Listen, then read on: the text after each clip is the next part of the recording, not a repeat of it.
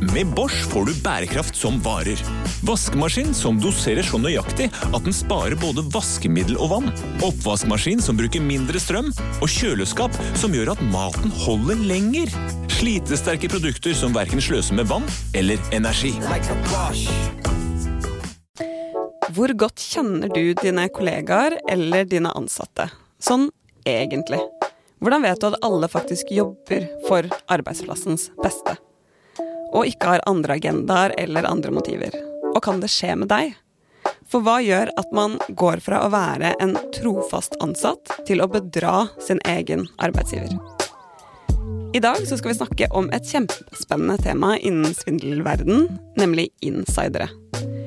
De siste årene har vi jo sett en stor økning i svindelforsøk og cyberangrep mot norske virksomheter. Og det har blitt et veldig stort fokus på å sikre seg digitalt. Men da glemmer man kanskje noen ganger de ansatte. De som har tilganger, informasjon og kunnskap om egen arbeidsplass. De kan jo være et mål for phishing-angrep, men så har vi også de da, som vender seg mot egen arbeidsplass og svindler fra innsiden. Shit, ja. Det er spennende. Det er spennende.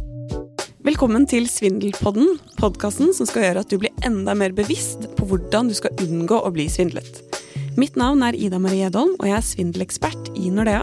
Og med meg så har jeg min gode kollega og nesten-ekspert Tore Lekster Hauge. Og i dag har vi også med oss en kjempespennende gjest, Frode Skårnes. Han har utdanning fra Forsvaret eh, og lang og bred erfaring fra forsvarssek forsvarssektoren, utenrikstjenesten, etterretningstjenesten og Nasjonal sikkerhetsmyndighet. Og nå er han COO i Learn, og en mye brukt foredragsholder på dette temaet, og også andre temaer innenfor svindelverden. Velkommen, Frode. Takk. Skikkelig hyggelig å ha deg her i dag. Og det er veldig veldig hyggelig å bli invitert. Jeg ja. har gleda meg veldig til å snakke med dere. Vi har jo snakka litt sammen før, Ja. eh, under en eh, litt sånn prestasjon jeg hadde for dere. Så, så jeg kjenner jo liksom Nordea litt, da. Ja. Eh, og har, eh, sett fram til dette. Ja. Det er Det er veldig kult. gøy. Men så bra. Og vi skal jo snakke om insidere. Yes. Eh, tema som vi ikke har vært inne på tidligere, egentlig. Nei. Eh, men vi skal snakke litt om på en måte, hvordan blir man en insider, og er det noe på en måte bedrifter kan gjøre for å avdekke insidere? Eh, men før vi begynner med det, kan ikke du bare fortelle oss, Frode, hva er egentlig en insider? En uh, insider, eller en uh, utro tjener, eller noen som er på innsiden, da, Ja. som, eh, som i utgangspunktet er bevisste eller ubevisste det de gjør. For det er ikke alle som egentlig vet at de er innsidere, og de er, eh, de er veldig nyttige, de også. Vi kan komme litt sånn tilbake til det etterpå. Eh, men de har eh, tilganger, legitime tilganger, til systemene. De kjenner alle. De kjenner virksomheten veldig, veldig godt. Og de kan liksom jobbe for seg sjøl, eller de kan jobbe for andre. Og de kan være fastansatte. De kan være vikarer. De kan være ja, en eller annen leverandør som er bare inne en kort tid. Så de kan ha mange former ved seg. Men det som er kanskje kjernen, det er at de bruker informasjonen som de har fått tilgang på, eller kunnskap om noe, på en måte som ikke f.eks. gagner Nordea. Ved enten å stjele penger eller gjøre andre ting da, som kan skade Nordea eller hvem som Ja. eh, hvem det måtte være. Så, så det er liksom eh, oppsummert da, en bevisst eller ubevisst eh, person som, eh, som på et vis da er med på å undergrave virksomheten. Eh, så kan gi alvorlige konsekvenser. Men ubevisst. Jeg tenker, Hvordan blir man liksom en ubevisst insider? Ja, det er, det er flest av de, faktisk. Er det det? Ja. Eh, jeg har jo skal man si for noe? Når du jobber i en etterretningstjeneste f.eks., mm. så vil veldig mange av kildene dine være ubevisste kilder. Mm. Eh, og det er jo et stort puslespill som skal på plass når man skal kartlegge noe. Så hvis jeg skal uh, svindle Nordea, da, så uh, ville jo jeg tenkt at Eller en annen bank. Ja, eller, ja, eller en annen bank. da. Men la oss bare si Nordea, da, bare sånn for eksempelets skyld. Ja. Så ville jeg jo måtte bli bedre kjent med Nordea. Jeg måtte jo vite hvem eh, styrer hva. Eh, hvem er det som kan gjøre de tingene som gjør at jeg kan få overført penger til meg? Eh, hva slags sikkerhetstiltak har dere? Og så videre. Og da er det sånn at eh, kanskje spesielt i Norge, da, så, eller spesielt kanskje i Norden, så er vi ganske naive. Så vi, når folk spør om noe i et sosialt lag, eller du treffer tilfeldigvis en fyr på golfbanen som er interessert i jobben din, så deler du informasjon. Altså Du deler mye mer enn det du kanskje skal. I sosiale medier også. Du deler veldig mye. Så en ubevisst innsider er egentlig en person som deler uten å forstå at det vedkommende deler, kan skade virksomheten. Ja. For det virker så lite og ufarlig. Og så er det sånn at noen sosiale lag, da, f.eks. Eh, hvis det er alkohol involvert, Mm. og man har litt sånn der behov for å skinne, så kanskje man deler mer enn det man burde dele. Ja. Og jeg er helt sikker på, og jeg har i hvert fall opplevd det, Mm. at jeg har sagt ting etterpå så jeg tenkte uff, hvorfor sa jeg det? Ja. Nei, guri, det burde jeg jo aldri sagt. Mm. Og sånn gjør jo alle. ja. Eh, selv folk som er ordentlig ryddig, Mm. Glipper litt på dette. Og da er man med på å bygge et puslespill. Og spesielt hvis du forholder deg til statlige aktører eller organisert kriminelle, så møter jo de mange mennesker. Så tar de all den informasjonen de får, pusler det inn, så lager de en plan. Hvordan skal jeg svindle dere? Så liker vi å stole på folk. Ja. I Norge så liker vi å stole på folk. Ja. Eh, og vi er jo til dels naive. Og det er det samme som hvis du drar til Murmansk og spør liksom eh, hvem i hvem i Norden er liksom hel ved, vanskelig å lure? Hvem svarer det da? ja. Hva tror dere? Nordmenn? Nei, Nei! de svarer finnene. Så finnene Finnene er jo hel ved. Ja, Det sånn, er ja. finsk sisu. De Ja, ja, lurer ikke Ja. en finne sånn helt uten videre. Nei. Men som nordmenn så sier de noe helt annet. De sier kan du ikke lure en nordmann? Ja, da kan du ikke lure noen. Er det sant? Ja, Så Ja, poenget er at vi fremstår som naive. Ja. Vi liker så godt å stole på folk. Vi liker så godt å stole på hverandre. Ja. Og systemene våre er jo bygd for tillit. Ja. Ja. Og derfor så blir vi også litt sånn ekstra sårbare når vi møter andre kulturer. Vi møter, møter organisasjoner som, eh, som er laget for å lure deg. ja. Ikke sant. Eh, så det er jo liksom eh, Det er jo Oi. Det er så vi er lette, lette mål på en måte. Ja. Men hva med de som er mer bevisste, da? Insidere, som du snakket om. Ja. Altså, Hvordan på en måte blir man en insider? Ja, Hvordan blir man rekruttert? Ja, eller det er ikke sikkert du blir rekruttert. For når du har innsider igjen, så kan de være eh, selvdrevne. De kan være mm, De kan ha en egen motivasjon for å gjøre det. Mm. Mens noen ganger kan det være sånn at du, du er på et vis leda og drevet av noen andre. Og da har du f.eks. org.krim-perspektivet. Mm. Men, men som et eksempel, da. Eh, den saken som kom nå i eh, ja, hva var det for noe, januar-februar. En vikar i eh, hva var det for noe, Sparebank1 i Trøndelag. Ja, stemmer det. Ja. Eh, han eh, underslo ganske mye penger for å investere i det. Eh, og tjene mer penger. Og så ble det jo ikke helt sånn. Så ble han tatt. Og så er det jo da sånn at han har jo sett en mulighet. For Ja. det, er jo, det er jo her at eh, har du ønske om å tjene raske penger, så er det jo penger i bank og andre steder. Så kan du jo si at eh, hvis du da ser at eh, muligheten er større enn du kanskje tenkte i utgangspunktet For jeg tror det er sjelden folk begynner et sted for å skulle svindle. Men man ser svakheter. Så tenker man dette kan jeg gjøre uten å bli tatt. Leilighet gjør tyv, på en måte. Ja. Eh, og så tenker man at eh, risikoen, den er der. Men hvis jeg gjør sånn og sånn og sånn, så er den liten i forhold til å bli tatt. Ja. Og så betaler jeg tilbake, for jeg skal jo vinne disse pengene. Jeg skal jo, det skal jo, gå, det skal jo ende godt, da. Så utnytter du da de legitime tilgangene som du har. Så det er en måte at du har liksom en Du ser muligheter, og så ønsker du å utnytte det. Men så er det også andre som eh, over tid da opplever at de blir dårlig behandla, de, er liksom, de trives ikke på arbeidsplassen. Lojaliteten liksom til eh, arbeidsgiver mm. liksom forvitrer underveis. Ja. Terskelen da for å utnytte noe blir lavere. Ja. Det også å ha mennesker rundt deg som du, du vet er skikkelig misfornøyd med alt, og som, som på et vis eh, eh, ser etter alle veier ut. Der er også en Lojaliteten er mindre. Mindre. Ja. Og så kan du si da, sånn som på det første eksempelet, en fast ansatt, sånn som dere to. Sannsynligheten for at dere gjør det, er sannsynligvis mindre enn noen som er kanskje en vikar, eller noen som ikke har den grunnlojaliteten til virksomheten. Fordi den bygger man jo. Eller man ødelegger den. Og det gjør jo litt av hvordan dette er. Og så er det jo andre mm, ting da som kan påvirke dette. Man kan ha gjeld. Eh, Ja. Da har du jo et insentiv for å skaffe deg penger. Eh, du kan eh, bli satt under press, f.eks.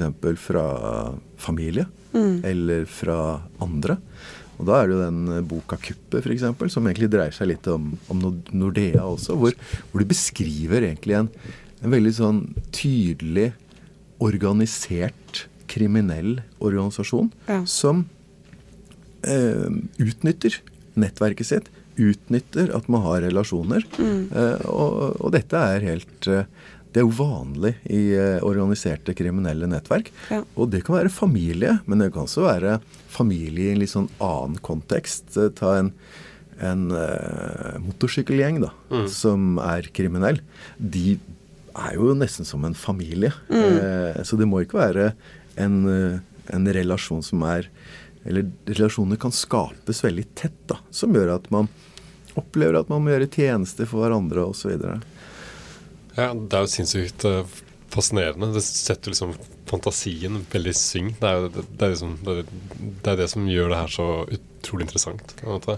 Er jo, eller Hver eneste ting du forteller nå, er jo liksom en grunn Eller er liksom starten på et eller annet uh, superspennende thriller, på en måte. Ja. Ja, og så er det en veldig sånn miks av av forskjellige hendelser som kan føre til at man ender i den situasjonen. ja. Som man kanskje ikke selv eh, kan gjøre så mye med, eller eh, er så bevisst over. Ja, men liksom, eh, liksom, du, sant, du snakker om familie, relasjoner og alle tingene der. Hvor liksom stort ansvar er det, er det arbeidsgiver har på en måte? Eller hvor liksom, skal man kjøre på med sånne kjempestore ja, dette er- bakgrunnssjekker? Liksom? ja, ja, dette, gjør er det? kjempe, dette er et kjempebra spørsmål. For her er det sånn at yes. det man har noen juridiske rammer. Eh, så man har ulike virkemidler man kan gjøre for å, hva skal man si, eh, bli kjent da, med de ansatte før de begynner. For det som jeg tenker er viktig, det er at et ansettelsesforhold det er et betydelig tillitsforhold mellom arbeidsgiver og arbeidstaker. Og det går begge veier. Man skal ha man skal liksom man skal stole på hverandre og som arbeidsgiver, og spesielt når man jobber i en bank f.eks. og har fullmakter til å gjøre en del kompliserte eh, transaksjoner, så må man jo på et vis da ha en opplevelse at man, det er en tillit nok til at man ønsker at akkurat den personen skal gjøre det. Og da er det sånn som de som eh, er underlagt sikkerhetsloven, f.eks. de som jobber i Forsvaret eller i departementene eller i enkelte virksomheter, eh, så er det sånn at de blir sikkerhetsklarert. Da har du en tøff bakgrunnssjekk. Eh, Så man går inn og ser på, på ulike register. Man må, man må gi masse informasjon om seg sjøl osv. Mm. Det kan man jo ikke gjøre igjen Hvis du skal begynne i eh, på Claes Olsson, så ville det vært veldig rart om de eh, spurte om alt dette. Ja. Eh, så, så det er en sånn Man må på et vis finne ut hva som er innenfor de juridiske rammene som du har som virksomhet. Eh, og så mener jo jeg da at vi er I det handlingsrommet man har, så er det sånn at man må jo sjekke så mye som mulig. Så mye som man kan på forhånd, for å se hvordan ser dette mennesket ut sånn eh, i sosiale medier f.eks. Hvordan, hvordan opplever man eh, at dette mennesket er? Og så er det intervjuet. Og der tenker jeg vi er veldig sånn standard, og vi er liksom redd for å stille feil spørsmål. Og, Ja. og sånn, Bortsett fra religion og politisk tilhørighet og om du er på vei til å bli gravid, så er det jo sånn Det er ganske mye man kan spørre om for å finne ut hva slags holdninger man har til ulike problemstillinger. Eh, og, og da tenker jeg man må utnytte det handlingsrommet for å bli kjent med folk først. Ja.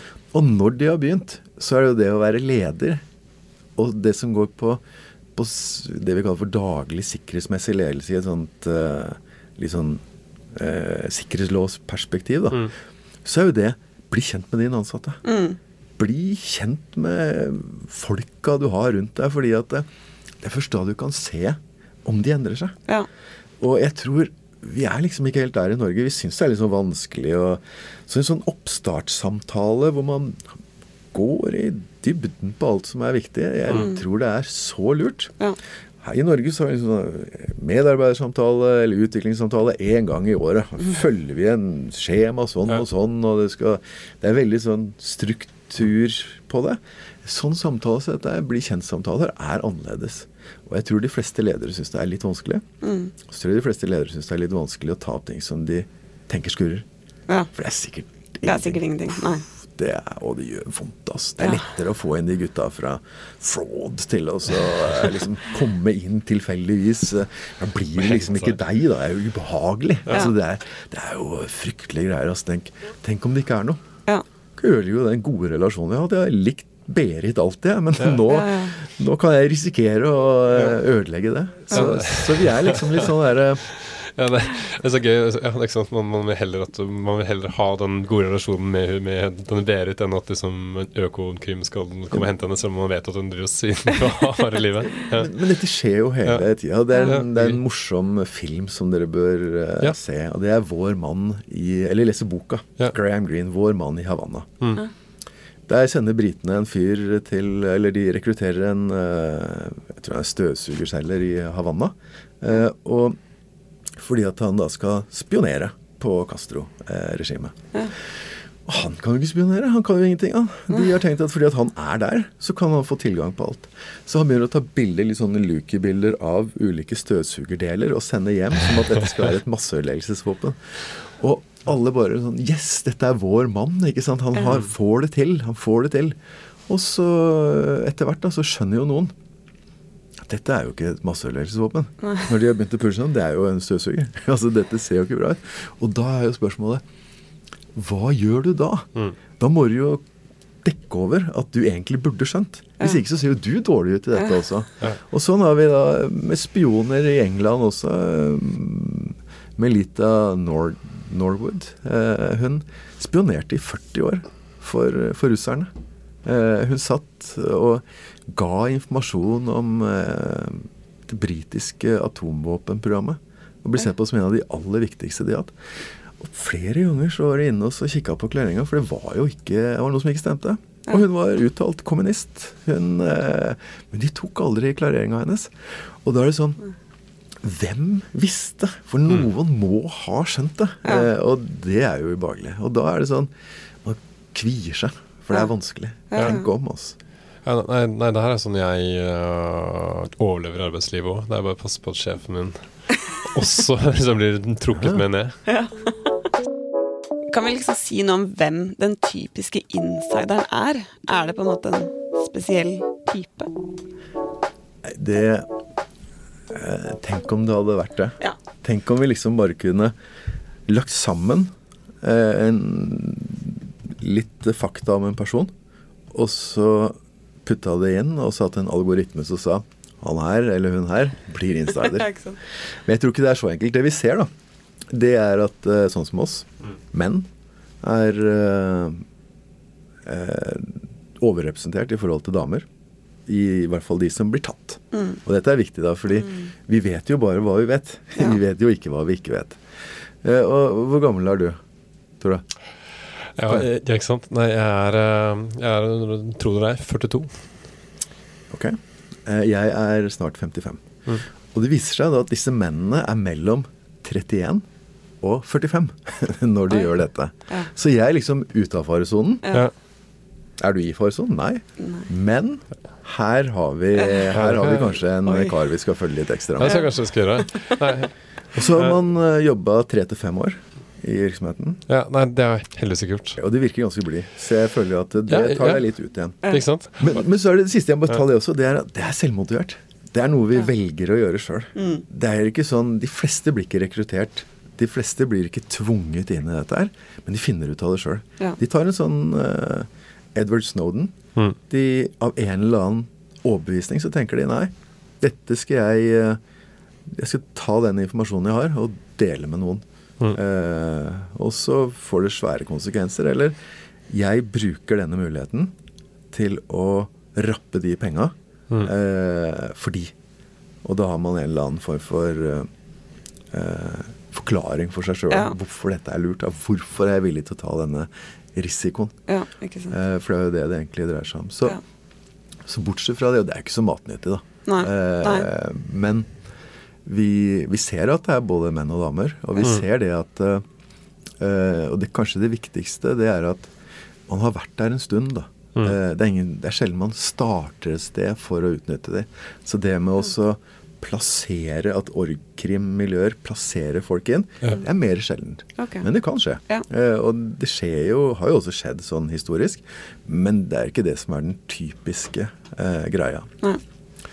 Så er det sånn at noen ganger så finner man jo kolleger. Og det jeg alltid stussa jeg, jeg var offiser i Forsvaret.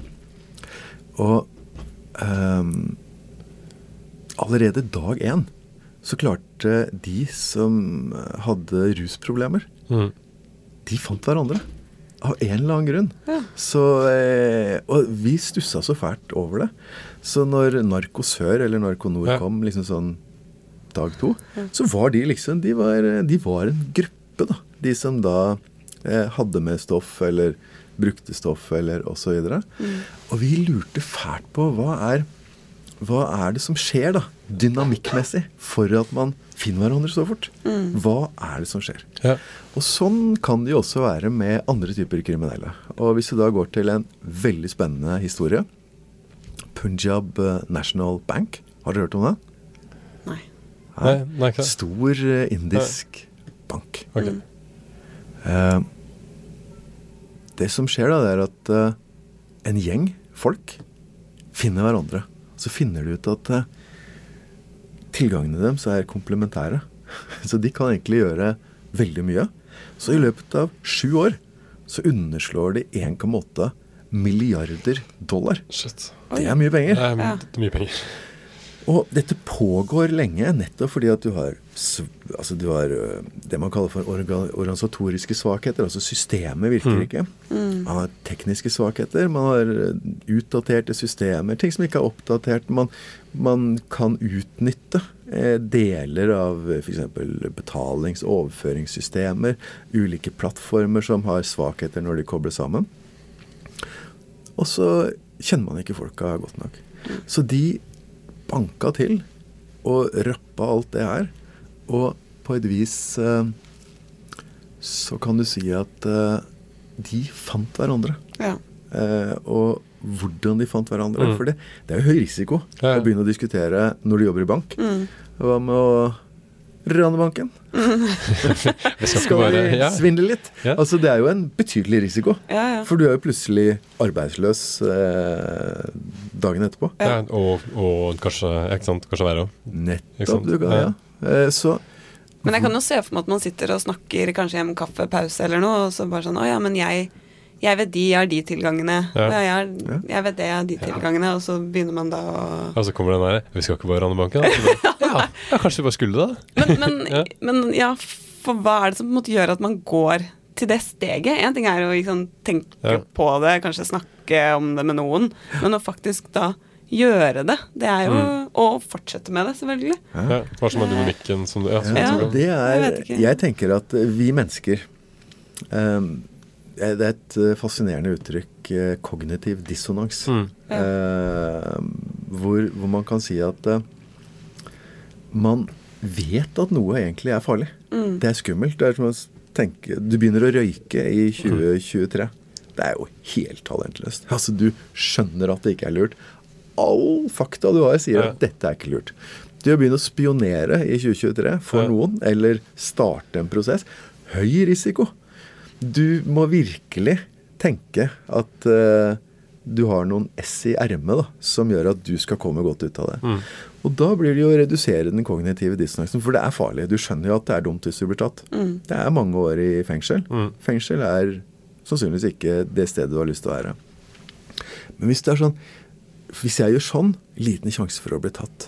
Hvis jeg gjør sånn, og hvis jeg gjør sånn, og hvis jeg gjør sånn, så plutselig så bare sånn Jo, men jeg har gjort alle disse risikoreduserende tiltakene, så, så dissonansen er ganske liten. Sannsynligheten for at hvis du røyker, da, at jeg får kreft, liten. Hvis jeg svindler Nordea, liten. Så du må liksom du må ha en sånn der prosess. da, Det er jo sånn vi mennesker gjør. Eh, om, om du er utro i et forhold, eller om du er utro mot arbeidsgiver, eller du gjør ting du, du veit ikke er lurt. Det er jo ikke sånn at du bare gjør det. Det skjer jo noe i prosessen. Er det lurt? Er det ikke lurt? I så fall, blir jeg tatt? Hvis jeg blir tatt, hva skjer? Altså, Man tenker jo litt. Det er jo ikke bare sånn at vi går fra det ene til det andre. Vi har jo noen noen vurderinger. vurderinger, Ja. underveis. Så er det sånn at noen av de vurderingene de, de skjer litt for fort. De er litt lite grundig. Eller de foregår kanskje eh, litt sånn komprimert under rus. Og da er det kanskje ikke så gode vurderinger du gjør. Mm. Og så er jo konsekvensene ganske tydelige på andre sida igjen. Ja. Og hvis du da ikke blir tatt i tillegg, det går en stund Ja, og det er et eh, fenomen, fordi jeg tror Og det dette med daglig sikkerhetsmessig ledelse, så tror jeg det at eh, det å kjenne sine ansatte da, Jeg tror at første gang du gjør noe, da synes det mye bedre. Du har høy puls. Altså, du gjør noe du vet du ikke skal gjøre. Du har høy puls. Du vil kanskje være annerledes enn det du vanligvis er. Noen vil bare vissheten om at du kan bli tatt. Så blir du jo flinkere. Du blir jo erfaren. Så de tingene som var skikkelig skummelt eh, før, de er ikke skummelt lenger. Så du utvider, og du, du, du finner ut at dette funker jo. eh, Fordi at du har blitt god på det. Eh, og, og da får du en trygghet, og da er det jo mye vanskeligere å ta. Eh, da er det sånn at når noen overrasker deg nå Du er blitt ekspert på å liksom forklare deg ut av det. Eh, det er jo sånn utroskap i alle former.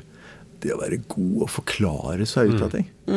Klart det funker. Ja, men jeg gjør jo bare sånn. Jeg bare gjør jobben min. Sånn og sånn og sånn.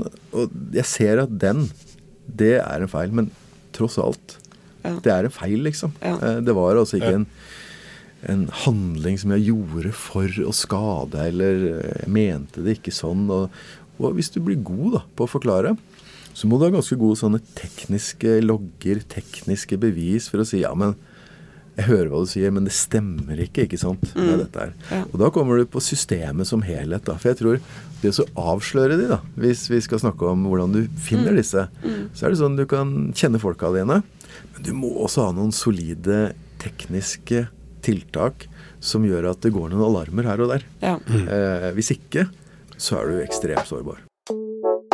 Store institusjoner eller selskaper har jo ekstremt mye organismer. Er det fordi de ikke stoler på oss, egentlig? Nei, jeg er eh, Og jeg, igjen, da. Det er, det er, så, det er så riktig tenkt, da. Men så er det allikevel for Så meg feil. feil konklusjon. For det dreier seg ikke om at du ikke stoler på Ja. dine ansatte. Det dreier seg om at du skal la alle eh, Du skal hjelpe dem til å ta gode, eh, gode beslutninger. Og da er vi litt tilbake til det at eh, når mulighetene ligger der, åpne, så er det større sannsynlighet for at flere vil utnytte sårbarheter og svakheter i et system. Mm. og hvis man da har en sånn press fra utsiden i tillegg, så er det sånn at hvis man har kontrollmekanismer som gjør at det, når onkel X da, fra land X sier ja, men jeg trenger denne informasjonen, kan ikke du skaffe meg f.eks. Mm. noen fullmakter sånn og sånn? Eh, fordi da kan jeg ta ut penger sånn og sånn.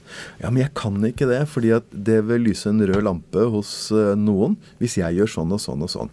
Og det vil si at eh, litt strenge tiltak, da, det gjør også at du hjelper dine ansatte, som kanskje har en tilknytning eller er i en sårbar situasjon, til å forklare at eh, det noen ber deg om å gjøre fra utsiden, det er ikke mulig å gjøre uten at du blir tatt.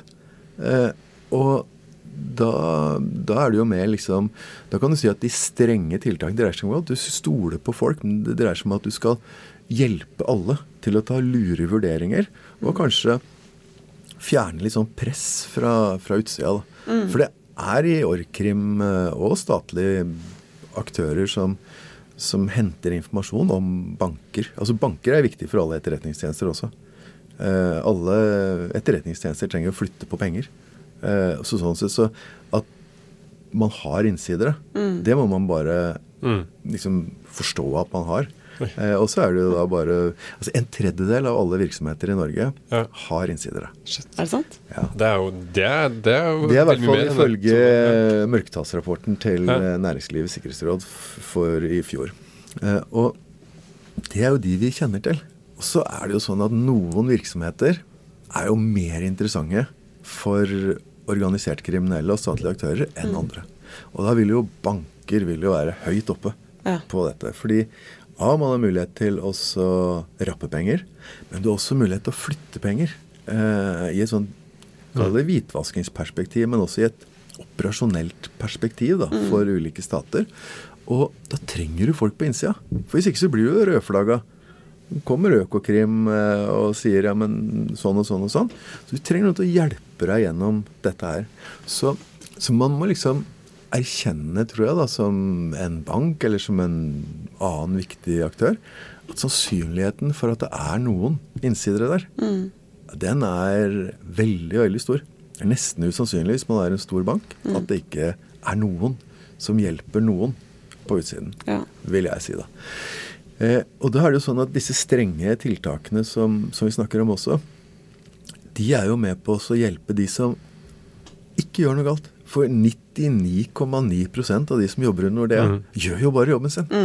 Så det er jo egentlig en sånn Passe på at man ikke har en sånn herre eh, at man går og skuler på alle hele tida. Kanskje Ja. nå er eh, Pedersen iallfall Det var litt rart det han gjorde der. Men eh, ok, jeg sender en til fraud, liksom. Nå, Ja. nå, skal vi, nå skal vi få sjekka ut han. Ja. Man ønsker jo ikke et sånt angiveropplegg. Da må man ha gode mekanismer som gjør at det, der hvor avvikene åpenbart er, så lyser det en rød lampe et eller annet sted. Mm.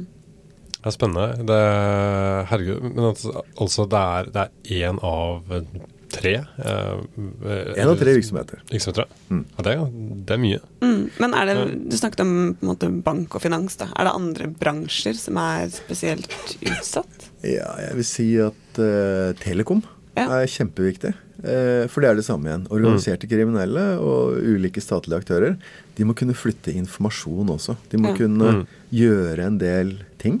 Eh, de må kunne kommunisere på en måte som ikke rødflagges noen plass, det også. Og sånn sett så er Telekom er selvfølgelig en viktig bransje for både kriminelle og statlige aktører. Så er det det er jo selvfølgelig sånn våpenindustri. Eh, Kongsberg, eh, Nammo Mm. Sånn som verden ser ut nå med Ukraina. Klart de er sårbare for dette. Eh, universiteter som har eh, utdanninger som, eh, som går inn mot romfartsteknologi Mm. eller ballistiske missil. Altså ting som kan utnyttes i et eh, Kall det et, et forsvarsperspektiv, da, Mm. som er mange. Eh, og da er det sånn Vi i Norge har en veldig stor andel utenlandske studenter som tar doktorgrader innenfor spennende fag innen naturvitenskap f.eks. Og Mm. altså, fysikk f.eks. Og, og sånn. Og de, de kan jo komme fra land som f.eks. Kina og Russland og Iran osv. Hvor, hvor man ser det at man må være veldig forsiktig da, med hvilken eh, Ja. informasjon man gir. Ja, Kina, jeg må si det, for Kina har jo, de har jo satt dette i, eh, i system. Så de har noe som heter eh, Thousand Talent Program, f.eks. Hvor de sender folk ut for å få master- og doktorgrader innenfor viktige temaer.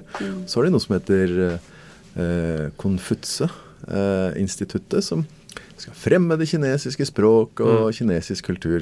Men hvor man ser da at det både i USA og i jeg tror det var eh, det var et eller annet europeisk land i Mellom-Europa, hvor, hvor da instituttledere fra andre eh, universiteter har fått penger for, eksempel, da, for å støtte dem med informasjon og hjelpe Ja, dem litt ekstra og, og så videre. Så, sant. så poenget er at eh, de er jo kjempeflinke til dette her. De, er, de er jo gode på dette. Og, eh, og det må man forstå. Og det er liksom, igjen det er sånn sånn norsk naivitet. så er det sånn, Vi ønsker jo folk velkommen. Mm. Men det er bare viktig å vite altså, Og jeg mener at man skal ha utenlandske studenter. Ja, ja, og jeg mener at det er kjempeviktig. Ja. Og jeg mener at informasjonsdeling er helt avgjørende. Vi må bare forstå hva er det vi gir, og hva er risikoen ved det. med det. Og, og så må man bare finne liksom et eller annet sted må det gå en grense da for hva vi deler eller ikke. Ja. Men vi har jo snakket Eller vi har jo snakket en del om at eh, ansatte da, i bedrifter de blir insidere på en måte på litt sånn eget initiativ eller egen motivasjon, da. Mm. Men hva med de som faktisk blir måte, rekruttert av organiserte kriminelle? Mm. Hvordan jobber de kriminelle for å på en måte finne ut hvem det er de skal plukke ut? Jeg tror, og der tror jeg det er blitt sånn nå at de organiserte kriminelle har jo blitt skikkelig gode. Eh, Ja. de, har, de ligner mer på statlige aktører. Og så kan man se det at det, det er også veldig sånn inn mot Russland f.eks. eksempel så er det, eh, det er veldig tett samhandling mellom organiserte kriminelle og statlige aktører. Ja. Og Det ser man også andre steder. Dette var typisk i Ukraina også, f.eks. Og, og andre stater som i eh, ja, du kan si Pakistan også. ISI som en stor etterretningsorganisasjon. Eh, Tett, tett og god samhandling med, med, med andre Eller det er myndighetene, Ja. men med mange aktører. Og, og det gjør at eh, der hvor vi tenkte før at det var statlige aktører som var farlige da, og vanskelige også å forholde seg til, eh, så er det nok sånn at eh, måten de organisert kriminelle jobber på i å kartlegge virksomheter Hva er det de trenger av informasjon? Hvem er det som sitter på denne informasjonen? Eh, hvordan skal de tilnærme seg de menneskene? Hvordan kartlegger de de menneskene? Det har jo blitt så mye enklere nå også. Ja. Fordi at eh, på LinkedIn så ligger jo alt om alle eh, som jobber i Nordea f.eks. Og da sier du ok, her, her jeg må ha tilgang til noen som har tilgang til disse fire personene, fordi det er det vi trenger, sånn og sånn. Eller vi må se noen som sitter på Stillingsutlysninger er også veldig nyttige, fordi da ser du jo hva er de på jakt etter, og hvilke oppgaver skal disse folkene gjøre. Så når du begynner å stakke sammen alt dette her, så tenker du ok, så finner du noe folk. Så begynner du å kartlegge folk, og så finner du ut at han ene spiller golf på Jasker golfklubb. golfklubb. Ok, og da er det jo bare å spotte, da, og så finner du ut hvilken flight du skal være med på. og Så har du fire timer du går med det mennesket og forteller om eh, Og da har du satt deg inn. Du jobber kanskje med finans, du også. Og så finner man tonen og tar en øl, og så vips, er det gjort. Eller man Oi! Det er, det er sånn det, det var en litt sånn forenkling av det, men ja, ja. mitt poeng er at du kartlegger organisasjonen. Du kartlegger menneskene. Du finner et sted hvor du kan møte menneskene. Og så er det sånn at relasjonen Vi snakka om ubevisste innsider Ja. i stad. Til å begynne med så gir man jo, er man jo forsiktig med mennesker. Men jo tettere relasjon man får, jo mer man stoler på folk, så kan det jo tenkes Jeg vet ikke hva dere to gjør, men jeg har f.eks. sagt til kona mi og noen ordentlig gode venner som jeg stoler skikkelig mye på, ting som jeg ikke burde sagt, og tenkt det går helt fint. Ja. Fordi jeg stoler sånn på de. Eh, selvfølgelig ikke noe som er sikkerhetsgradert informasjon, uh, men, men sensitiv informasjon. Og diskutert sjefer jeg har hatt, f.eks. Eller prosesser med de, fordi jeg synes det er rart og vil sparre med de, for det er Ja. smarte, flinke folk. Ja. Da er du i gang, liksom. jo Plutselig har du sagt for mye. Da er det ikke noe vei tilbake. Da har man liksom et grep på det. Men det er jo kjipt da hvis du finner ut at eh, kona di etter eh, så og så mange års eh, ekteskap eh, bare har vært der fordi hun skal, skal hente ut informasjon fra deg. Det er, Ja. Det er kanskje litt mer er ekstreme Ja. tilfeller. Er ekstrem. Jeg, jeg tror det er mer eh, Jeg, jeg, jeg, Ja. vet jo at det ikke stemmer meg, eller stemmer på meg, men, men Det er det jeg man tror ikke sant? Ja, ja, ja. Hvordan var det dere egentlig traff hverandre, ikke sant? Ja, det For å si det sånn, det får bli en annen podkast. Ja, men det her er jo Men eh, det, det er jo det her som gjør liksom, som jeg snakket om i stad, at dette her, det her som gjør det så ekstremt fascinerende. For Ja. liksom, alt du sier nå, er jo, er jo Det er jo spion, svindel, eh, thrillere. Liksom. Men det er jo de samme grepene som Ja. man bruker når man skal svindle privatpersoner. Eh, Ja. altså sånn kjærlighetssvindel, phishing f.eks. Mm. Du sjekker jo informasjonen personen har delt på Facebook eller LinkedIn. Ja. Altså Sosial manipulering er Ja. sosial manipulering. Om det er ett menneske til ett menneske, eller en organisert kriminell organisasjon mot ett menneske eller en organisasjon, Ja. mekanismen er det samme. Ja. Eh, og nå som vi har fått AI inn i dette her, Ja. Så er det jo enda flere muligheter. For da kan du kan ta stemmen din, bruke den, og så ringe til deg. Mm. Og så få deg til å gjøre noe fordi du tror Ja. at det er noe Ja, ja. du stoler på. Mm. Og det er så, så vi blir hele tiden utfordra, da. Eh, Mm. Det å så vite hvem man snakker med, eller spoofa e-poster eller eh, SMS-er. det er vanskelig å være menneske nå, i et Ja. sånt sosial manipuleringsperspektiv. Mm. Og, og da må man jo håpe at man snart får så gode, kall det autorisasjonsmekanismer, at man når du ringer meg, da, så vet jeg at det er deg, og Ja. ikke en uh, AI-drevet eh, En algori eller en robot som snakker med meg. Um, eller e-posten jeg får. Altså alt. Ja. Men det med å da ha Altså kjenne sine ansatte. Mm. Ha fornøyde ansatte, ansatte som trives. Eh, være en god kollega, kanskje. Mm. Eh, det er viktig, i tillegg til da å ha på en måte gode rutiner, kontrolltiltak Ja. på plass. Ja. Og så tenker er jeg sånn kulturen, sikkerhetskultur, Ja. er et fenomen som eh, er Det er jo en del av organisasjonskulturen. Mm. Ja. Fordi jeg tror, litt som vi snakka om i stad, når man opplever tiltak som veldig strenge, kanskje sånn hemmende i arbeidet, Mm. så kan man shortcutte på de. Ja. Eh, fordi at uff, Ja. Er enig? ja, ja. så skal vi egentlig gjøre sånn på hjemmekontor. Yeah, right. Jeg gjør det sånn isteden. Ja, ja. Eh, så, så jeg tror at eh, man må ha tiltak som er effektive, og som er logiske og fornuftige. Og så må folk skjønne hvorfor. For jeg tror så lenge man skjønner hvorfor, Mm. eh, og forstår at akkurat nå, mens vi sitter her og har god stemning i podkastrommet, så er det noen som kartlegger Nordea. Mm. Det er noen som Ja, ja. tenker 'Hvordan skal jeg få utnytta dette her?' Det skjer hele tida. Det er en kontinuerlig prosess. Det er en industri liksom sånn crime as a service på utsiden, hvor du kan kjøpe tjenester, Mm. eller du kan gjøre det sjøl. Men det er en business, da. Og det er store penger. Så noen gjør det. Eh, og det må man forstå. For Hvis ikke så virker mange ting veldig ulogisk strengt. Og når man skal finne en innsider hos noen, bare for å ta det også, så er det ofte sånn at man man kan ikke velge på øverste hylle, man må starte et eller annet sted.